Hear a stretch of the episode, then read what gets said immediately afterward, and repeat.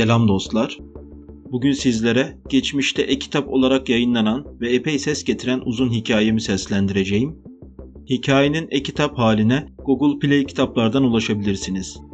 Şimdi hazırsanız seslendirmemize başlayalım. Hikayenin adı Karanlıkta. Keyifli dinlemeler. Karanlıkta. İkinci bölüm. 1. Aradan neredeyse bir hafta geçti. Eskişehir gerilerimde kaldı şu an. Bu satırları bir otobüsün pencere kenarındaki koltuğumdan yazıyorum. Evet, yaklaşık 6 gün süren tanıtım programı bitti. Merak edenler için söyleyeyim, işe alamadık. Galiba anlattıklarım söz konusu şirket için fazla laubali gelmiş olacak ki beni nezaketen kapı dışarı ettiler. Biliyor musunuz? Biz sizi ararız bile dediler. Tokat gibi bir sözdü oysa bu. Sizce arayacaklar mı? Kesinlikle hayır. En azından benim gözlemim bu yönde. Öte yandan tüm bunlar zaten kimin umurunda ki? Benim için o şirketle anlaşma yapmak da, yapamamak da bir nasılsa. Çünkü bana orada hayatım boyunca göremediğim ve ömrüm oldukça da göremeyeceğim bir tanıtım yapıldı zaten. İnanın ben bu tanıtımdan alacağımı ziyadesiyle aldım. Gördüklerimle yaşadıklarım, kibirli karakterimin ben çok değerli sansam da aslında bir hiçten ibaret olduğunu fark etmeme vesile oldu. Yetmez mi? Yani maksat fazlasıyla hasıl oldu. Bununla birlikte bu aşamaya gelişime yani gözlerimin açılışına neden olan Cambaz ailesine ne kadar minnettar olduğumu söylemeden geçemeyeceğim. O eve ayak bastıktan, işim bitip de ayrılıncaya kadar geçen süre içinde yaşadıklarım, varoluş sancılarıma merhem olma niteliğindeydi. Ama buraya değinmeden önce kaldığımız yerden devam edelim olayları aktarmaya. Zira böylesi kronolojik olarak daha değerli toplu olacak. Rıza'nın odasında sohbet ile geçen o gecenin sabahı saat 10 gibi uyandım. Ayten annesiyle birlikte kahvaltı hazırlamıştı. Çay da pişirmişler ancak bardaklara doldurmayıp uyanmamızı beklemişlerdi. Bu evde kahvaltı yapılmadığını da anlamıştım o an. Sonra düşününce bu durumun normal olduğu sonucuna vardım. Kahvaltı hazırlama işi de yemek yapmak kadar meşakkatliydi çünkü. Hassasiyet gerektiren işlerdendi. Kahvaltı hazırlama sırasında beklenmedik onlarca aksilik yaşanabilirdi. Çay kaynasa dem atmak, tüp yakmak ve söndürmek gerekecek, sonra bulaşık belası ortaya çıkacaktı. Tüm bunlar görmeyen gözlerle yapılamazdı şüphesiz. Ancak bugün durum farklıydı. Evlerinde birisi, bir misafirleri vardı. O yüzden bu kadar telaşlıydılar zaten. Hazırladıkları kahvaltı da bu telaşın bir parçasıydı. Büyük olasılık benim evde bulunuşum onları böyle bir oluşuma itmişti. Oysa bana kalsa onlardan böyle bir çaba içine girmemelerini isterdim. Ancak yine de onlara göre onlara düşen beni en iyi şekilde ağırlamaya çalışmak olacaktı.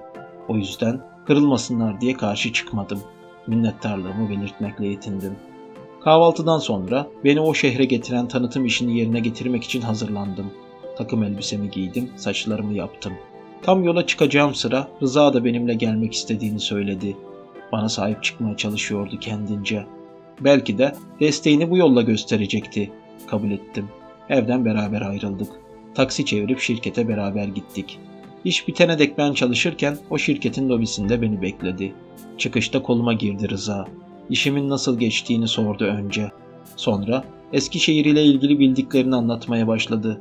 Zeki, ayrıca çok dikkatli bir araştırmacıydı Rıza. Şehir hakkında tahminimden çok fazla detaya sahipti. Hem sadece burayla ilgili değil, herhangi bir konuyla alakalı neyi merak ederse öğrenmeden bırakmayan bir yapısı vardı. Onu tanıyan biri bunu anlamakta gecikmezdi. Ayrıca sırlarla doluydu. Muhittin adında bir adamın çay ocağında bana bir itirafta bulundu. Bol köpüklü bir kahve içiyorduk o esnada. Bir yerlere daldı gitti önce. Sonra dedi ki, Biliyor musun Kemal? Abim Recep'in sana sözünü ettiği Almanya'da yapılan ameliyatta zayıf da olsa gördüğüm olayı var ya, işte o doğru değil. Onu beklemiyordum. Niye öyle söyledin o zaman diye sordum. Anlattı. Ben 33 yaşındayım Kemal. Bu ailede 33 yıldır yaşamaya çalışıyorum. Çok uzun süre değil mi? Biz bu kadar sürede onlarla ne aşamalardan geçtik, neler hissettik, neler yaşadık biliyor musun?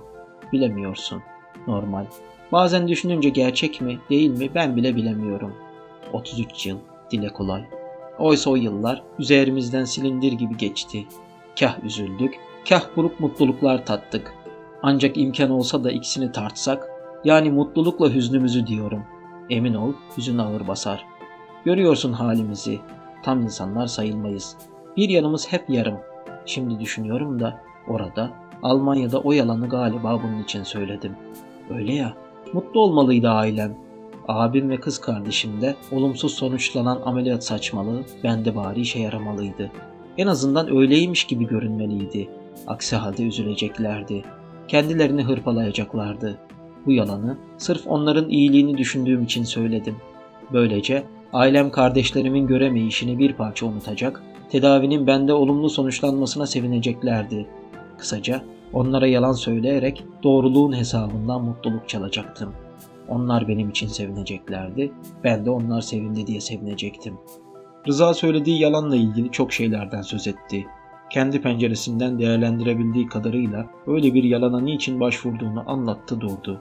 Bazen detay verdi, bazen olayı tekrar tekrar yaşadı.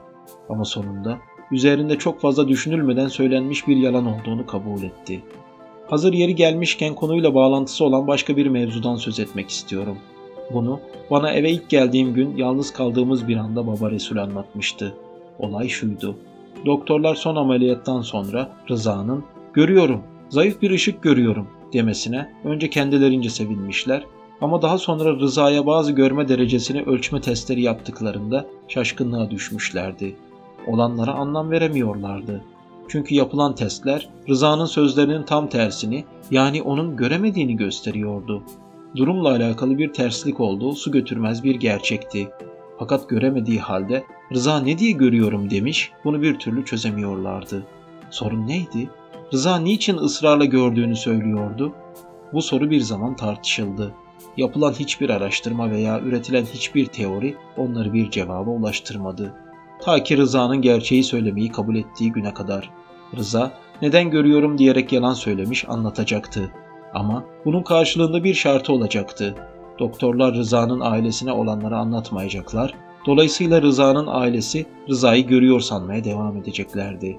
Rıza da bu oyunu sürdürecek ve doktorlar Rıza'yı gördüğü konusunda söylediği sözler için destekleyeceklerdi.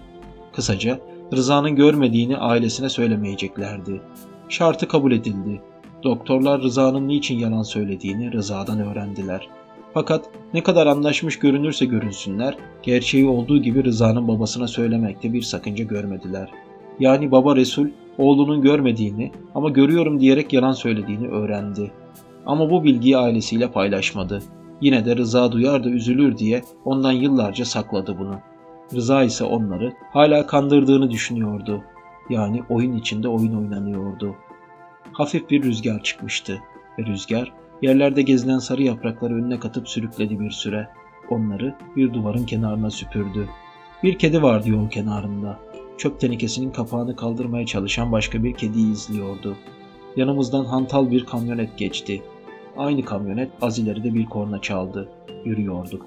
Rıza koluma girmiş, engelli çubuğunu katlayıp cebine kaldırmıştı.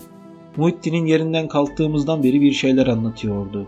Bense düşünüyordum. Ama o an birisi ne düşünüyorsun dese cevap veremezdim. Çünkü ne düşündüğüme tam olarak odaklanamıyordum. Kimi imgeler ve şekiller beliriyordu zihnimde. Bunlar orada gördüklerim arasından bir şeyler miydi yoksa hafızamda geçmişimden benle o güne ulaşan kalıntılar mıydı ayırt edemiyordum. Dalgınca yürüyordum. Rıza bazı bazı beni dürtüyordu. Söylediğini duyuyor, anlattığını anlıyor, hatta bazen ona katılıyor ama yine de ruhuma saldıran ve beni uyuşturan karabasanın kollarından kurtulamıyordum. Garip hisler gelip geçiyordu aklımdan. Değişik hisler. Misal bir uçurtma. Kuyruğu olmayan ve uçamayan bir uçurtma. Bir arı kovanı, bir kış günü ve bir sandal. Neyin nesiydi bunlar? Hasta mıydım? Hastalanıyor muydum? Bilmiyorum. Yürüye yürüye Rıza'nın kesinlikle görmelisin dediği bir yere gidiyorduk. Orası hakkında bilgiler veriyordu Rıza bana. Nasıl bir yer olduğunu tasavvur etmem gerektiğini söyleyip duruyordu. Bir zaman sonra sözünü ettiği yere geldik. Kapladığı alana bakılırsa çok büyük bir yere benziyordu burası. Karanlıkta. İşte o yerin adı buydu. Adı gibi kapkaranlık bir yerdi. Tamamen özel bir girişimci tarafından yaptırılmış olan bu yer, baştan sona yapay bir karanlık alan içindeydi. Dev duvarlarla çevriliydi etrafı. Bu duvarlar karanlık denizinin dış yüzünü oluşturuyorlardı. Daha öncesinde adını sanını duymadığım bu yer öyle farklı, öyle ilginç bir yerdi ki Şehirden ayrıldığım şu an bile tüylerimi diken diken ediyordu. Çok farklı bir deneyimdi benim için. Rıza'nın dediğine göre işletmenin yapılmasındaki amaç görme engelli insanların halinden anlamak, farkındalık yaratmaktı. Karanlıkın kapısındaydık. Çalışanlardan biri yanımıza geldi. Kısaca orası hakkında bilgi verdi. İçeride konuşmanın yasak olduğunu söyledi gülümser bir yüz ifadesiyle. Başka birisi geldi. Özel bir yere girerken yapıldığı gibi üst araması yaptı. Üzerimizdeki ışık yayan ne varsa alıp numaralandırdı, bir dolaba kaldırdı. Çakmak, cep telefonu, fener vesaire. Bunlar ile içeri girilemezmiş. Tamamen zifiri karanlık olan bu mekanda karanlığın yapısını bozacak eşyalar kullanılamazmış. Kısaca bir sürü ıvır zıvır. Rıza ile girdik içeriye. Uzun bir tünel boyunca yürüdük. İleride keskin bir dönüş yaptık ve tünelden gelen zayıf ışık böylece kayboldu. İlk 10 dakika çok zor geçti. Rıza'nın rehberliğinde yürüyüşe devam ediyorduk. Bazen bir yerlerden cılız bir ses geliyor, sonra kesiliyordu. Zaman algınız kalmıyordu içeride. Saat kavramı, yön duygusu, referans noktası gibi gözün görüp beyin tarafından yorumlanan gerçekliklerin hepsi birer soyut ifadeye dönüşüyordu. Gözünüzü açsanız veya kapasanız bir şey değişmiyordu. İki türlü de görünen karanlığın tonu aynıydı. Gözünüz oraya girmeden ne kadar sağlıklı ve iyi görüyor olursa olsun, orada bu tamamen anlamsızdı. O karanlıkta göz bir ayrıcalık olmaktan çıkıyordu. Çünkü gözün görmesini sağlayan ışık ışını yoktu ortada. Aydınlıkta anlamı olan ne varsa içeride anlamını yitirmiş durumdaydı. Her şey tek renkti. Maddeleri birbirinden ayıran renk olgusu sonsuz bir siyahın ortasında yitip gitmiş gibiydi.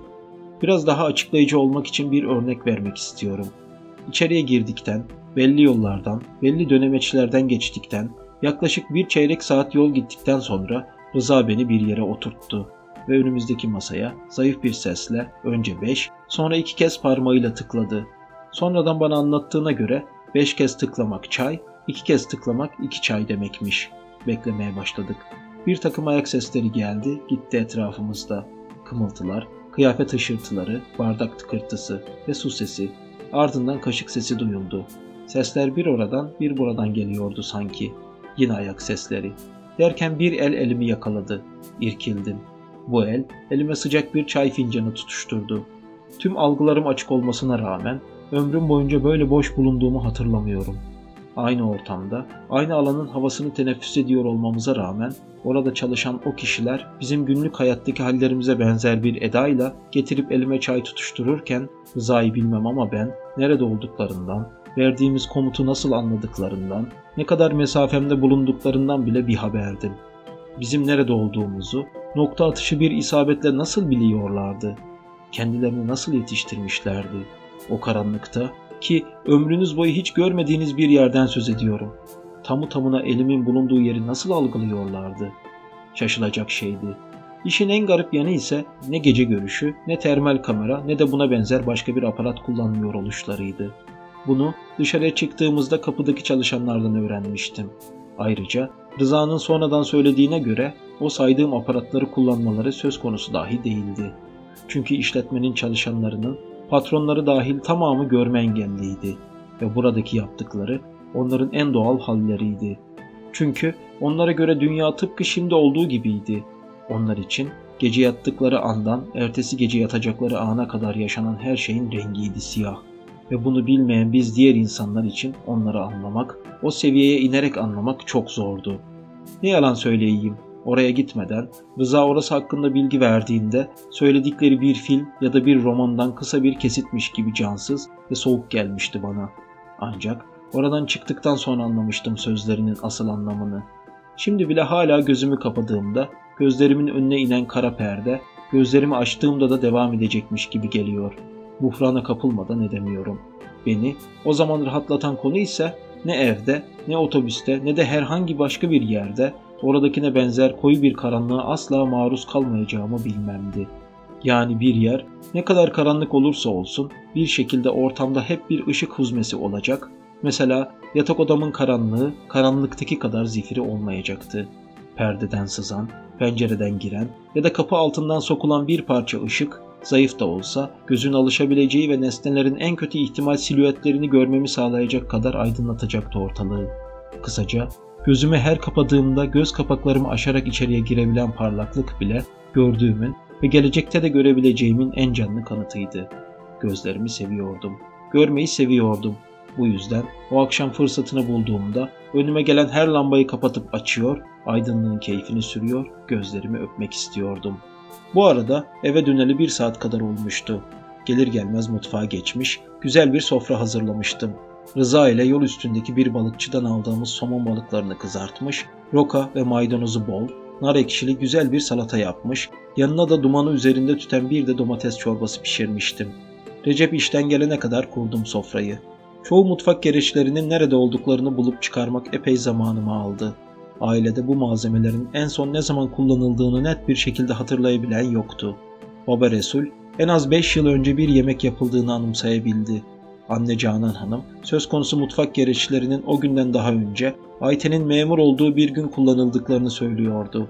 Bu sözler üzerine hangi olayın daha önce yaşandığını tartışmaya başladılar. Rıza annesiyle babasının atışmalarını büyük bir keyifle dinliyor, arada bir kahkahalarla gülüyordu. Ayten bu konuşmaların hiçbirine katılmadı.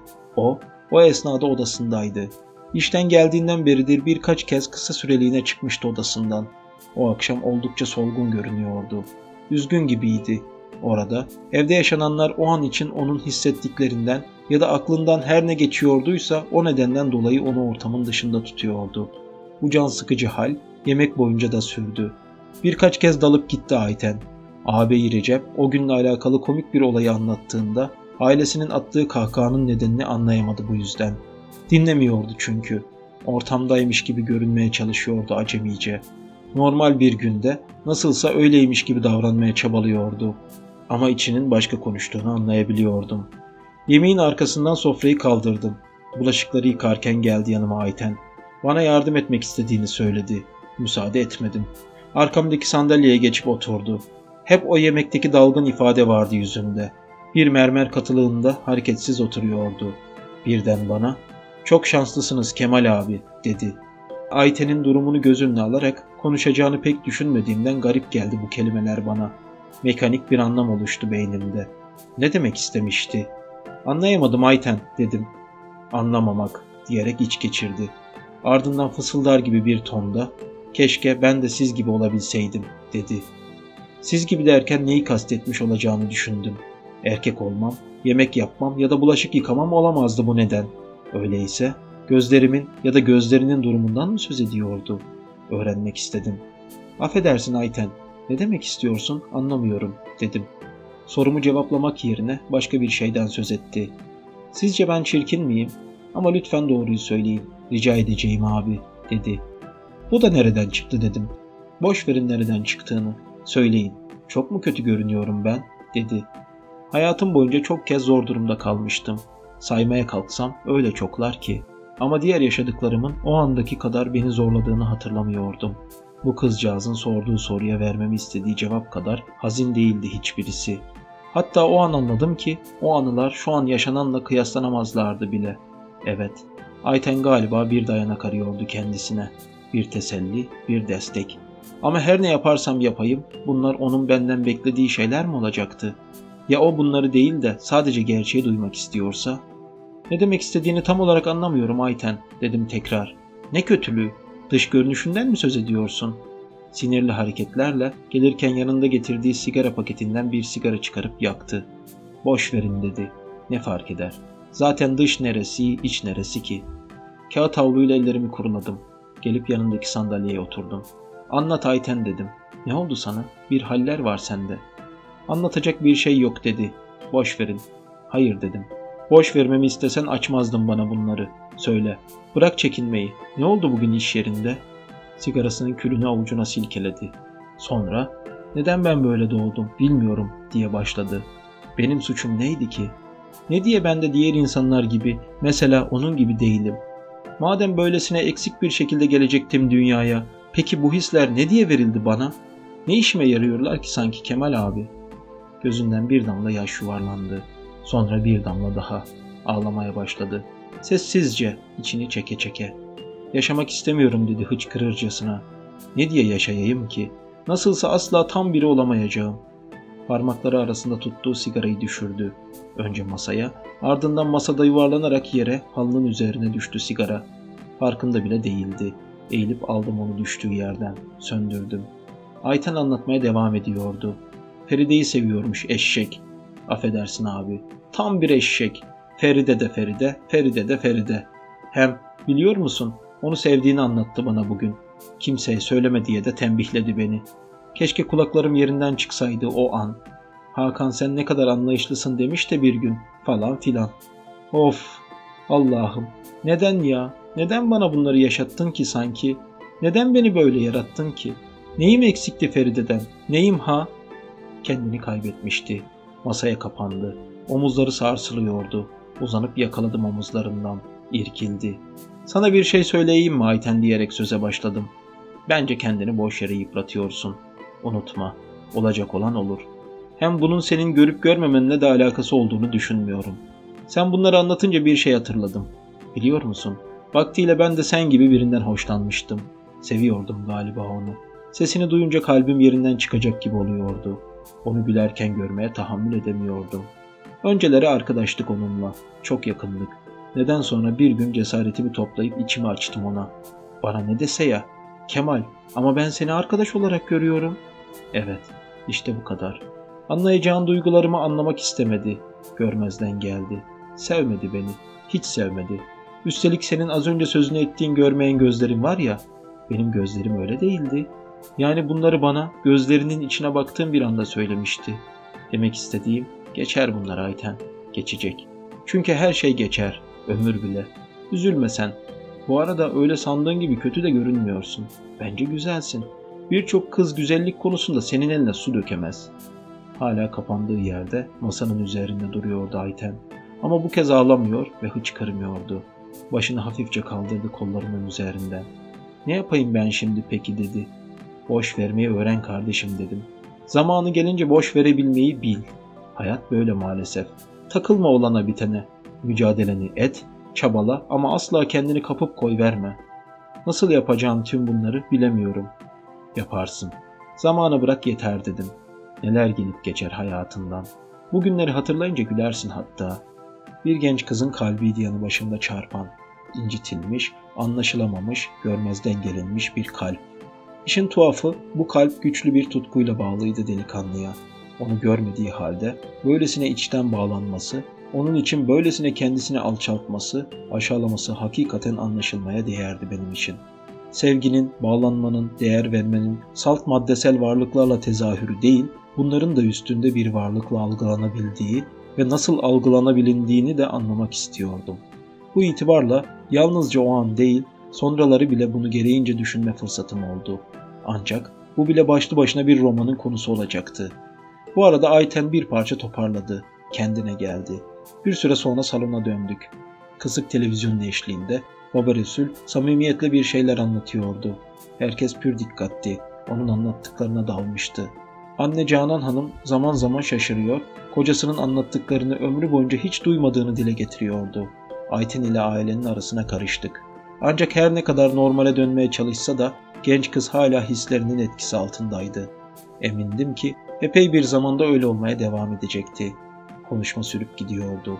Büyük bir iştahla konular açılıyor, tartışılıyor, başka bir konuya geçiliyordu. Bu bir zaman daha sürdü. Sonra herkes odalarına çekildi. Ben de salondaki kanepeyi açarak yatağımı yaptım. Uyumadan hemen önce Hakan'da Ayten'in ne bulmuş olabileceğini düşünüyordum. Ertesi sabah şirkete kendim gittim. Bir gün öncekine benzer bir havada başka bir ürünü tanıttım. İşime kendimi tam veremediğimi ve sıklıkla kelimeleri telaffuz ederken hatalar yaptığımın farkına vardım. Bu tür ortamlarda bir kez yaşandıktan sonra artık bir daha hoş karşılanmayacak olan bu halim içeridekilerin de canını sıkmaya başlıyordu. Gözlerde bunu anlamak zor olmuyordu. Öyle sonu şirketten ayrıldım. Çok fazla zaman vardı akşama kadar. Dağınık düşüncelerimi toplamak ve aklımı bir yoluna koymak maksadıyla bir yerlere gidip dinlenmenin uygun olacağını düşünerek yeniden Karanlıkta isimli yere gittim. Rıza yanımda olmadığı için çok zorlanıyordum. Sonunda oradan birinden yardım alarak geçip bir kenara oturdum. Masayı yavaşça beş kez tıkladım. Ama ne çayın ne zaman gelip elime tutuşturulduğunu ne de geçip giden zamanın akşam olduğunu anlamadım. Eve döndüğümde herkes çoktan gelmişti. Yine kendi ellerimle onlara yemek yaptım, yedik. Yemekten sonra Rıza, Recep ve Ayten ile dışarıya çıktık. Ertesi gün pazardı. Dolayısıyla ben tanıtıma gitmeyecektim. Geç saatlere kadar dolanıp durduk. Gecenin ilerleyen saatlerine doğru döndük eve. 2. Sonraki iki günde aşağı yukarı bu minvalde geçti. Aileyle geçirdiğimiz bu kısacık zamanda eskiye nazaran ne kadar farklılaşmaya başladığımı şaşkınlıkla fark ediyordum. Önceden umursamadığım çok davranışımı burada yeniden irdeleme ihtiyacı duydum. Yaptıklarım, yapmayı düşündüklerim ve planlarım hakkında terazimi epey hassaslaştırmıştım. Kısaca kendime çeki düzen vermem gerektiğine karar verdim. Hayatın bizim sığ fikirlerimizden ve görüp duyduklarımızdan çok çok fazla anlamlar ifade ettiğini anladım. Nankörce, körü körüne görmezden gelerek sıradanlaştırdığımız varlıklarımız hakkında yeniden düşünme fırsatı yakaladım. Neyden söz ediyorum? Mesela gözlerimizden. Ne kadar basit bir kelime değil mi? Ama aslında öyle değil. İçerdiği anlamı sadece ona sahip olmayanların anladığına şu an itibariyle eminim. Çünkü bizler yalnızca onları kaybedince değerini bilecek durumdayken buradaki bu ailenin üyeleri ne yazık ki o kıyaslamadan bile uzaklar. Bizler istediğimiz zaman elimize bir kitap alabilir, bir oyun oynayabilir ya da bir filmi, bir tiyatroyu izleyebiliriz. Dışarıya çıktığımızda mevsimine göre karı, kışı, buzu algılar, yine mevsimine göre yaprağı, çiçeği, böceği görebiliriz. Renkler, şekiller, tanımlar ve kavramlar hep bize göredir. Ancak ya bu insanlar? İki satır okumak için çivi yazısına benzer bir alfabe bilmek zorundalar. Üstelik Recep'in anlattığına göre bu iş öyle basit de değil. İnsanın parmakları iğne gibi olan harflerin üzerinde gezinirken ne kadar acı çekiyormuş kişi. Hem varsayalım ki öğrenebildiler bu yazıyı. E kaç eser var onların okuyabileceği şekilde yazılan? Kaç dergi, kaç gazete, kaç kitap var yayınlanan? İşte bunlar aklımı kurcalıyordu. Yıllar sonra ilk defa kendi gerçekliğimi bir yana bırakarak birileri için düşünüyordum. Sistemin bana öğrettiği bencilliğin kabuğundan sıyrılmak ve benim bilincimin dışında da bir hayat olduğunu anlamak beni alt üst ediyordu. İçine saplanıp kaldığım egomdan ancak bu vesileyle bir parça uzaklaşabiliyordum. Dünyanın sadece benim etrafımda dönüyor olduğu fikri ve benden sonra tufan yanılgısından şimdi kurtulabiliyordum. Yine de elbette onlar kadar anlamam olanaksızdı yaşamı. Mesela Rıza'ya ork çalmayı heveslendiren hissin gücünden habersizdim hala. Recep'in kendi gibi engelli arkadaş tarafından dolandırıldığında içinden geçenleri bilmiyor ve Ayten'in nasıl göründüğünü bilmeden her sabah makyaj yapmasını gerektiren düşüncesini anlayamıyordum. Bu başka, bambaşka dünyadan ayrılmadan daha neler neler hissetmiştim. Aradan geçen şu kısa zamanda onlara bağlanıp kalışımı neyle ifade edecektim? Buraya gelirken yapmakta olduğumun tam bir saçmalık, içine gireceğim ortamın zaman kaybı olduğunu düşünürken evden ayrılırkenki derin hüznümü neyle izah edecektim? Ne kadar garip duygulardı bunlar. Bir hafta bile geçmemişti henüz ama sanki onlarla binlerce yıl yaşamışız gibi hissediyordum. Recep'i, kardeşleri Rıza ve Ayten'i, anne ve babasını sanki tüm yaşamım boyunca tanımıştım. İçime paslı bir bıçak gibi saplanan ayrılık düşüncesi bu yüzden dayanılmaz geliyordu bana. Ama dünyanın kuralı böyleydi. Birilerinin ileri gidebilmesi için her zaman birileri gerilerde kalmalıydı. Kurala uyacaktık ve ben gidecektim. Sayılı günü tüketmiştik ve artık işim kalmamıştı bu şehirde. O gün son gündü. Sabah erkenden uyanmıştım. Anne Canan Hanım ile Ayten uyanmadan kahvaltı hazırlamıştım. Çayı demlemiş, ekmek kızartmıştım. Balkonda bir sigara yakmış, ağaran güne doğru savurmuştum sigaranın dumanını. İçeri girdiğimde birer ikişer uyandılar. Buruk bir havada ettik kahvaltıyı. Çok az yedik, çok az konuştuk, çok az tartıştık. Herkes gördüğü bir kötü rüyayı düşünür gibi sessiz kaldı sıklıkla. Kahvaltıdan sonra ayrıldım evden. Eşyalarım hazırdı. Kapının ardındaydı. Gidişim hüzünlü oldu. Benimle otogara gelmek için uzun mücadeleler veren kardeşlere asla müsamaha göstermedim. Gelirlerse üzüleceğimi söyledim. İkna ettim onları. İlk geldiğim gün beni kapıda bekledikleri gibi kapıdaydılar çıkarken. Tek farkla. Şimdi Rıza ve Ayten de vardı aralarında. Anne Canan Hanım'ın ve baba Resul'ün ellerini öptüm. Recep'i ve Rıza'yı candan kucakladım. Ayten başını omzuma dayayıp bir zaman öylece kaldı. Her şey geçecek dedi. Ne demek istediğini anlamıştım. Üzgündü. Gözlerinden iri iri yaşlar akıyordu. Recep ile Rıza da üzgündüler. Ama esas üzülen bendim. Sanki tamamımı geride bırakıyordum giderken. Bana, beni yani insanlığı gösteren Yeniden düşünmeyi ve hissetmeyi öğreten bu insanlara çok şeyler borçluydum. Onlar bir dostu uğurluyorlardı kapıdan belki ama ben gerçek dostlar tarafından uğurlanıyordum. İçim bu yüzden hem buruk bir sevinç hem de acı doluydu. Yürüdüm. Asansörün yanına kadar geldim. Dağılmıştım. Birden aklıma bir şey geldi. Eve doğru yöneldim. Aileden müsaade isteyip içeriye eve girdim. Gözlerimdeki yaşları silerek çıktım dışarıya. Hepsi neden geri döndüğümü merak etmişti. Meraklarını gidermek için dedim ki açık olan ışıkları kapattım. Son.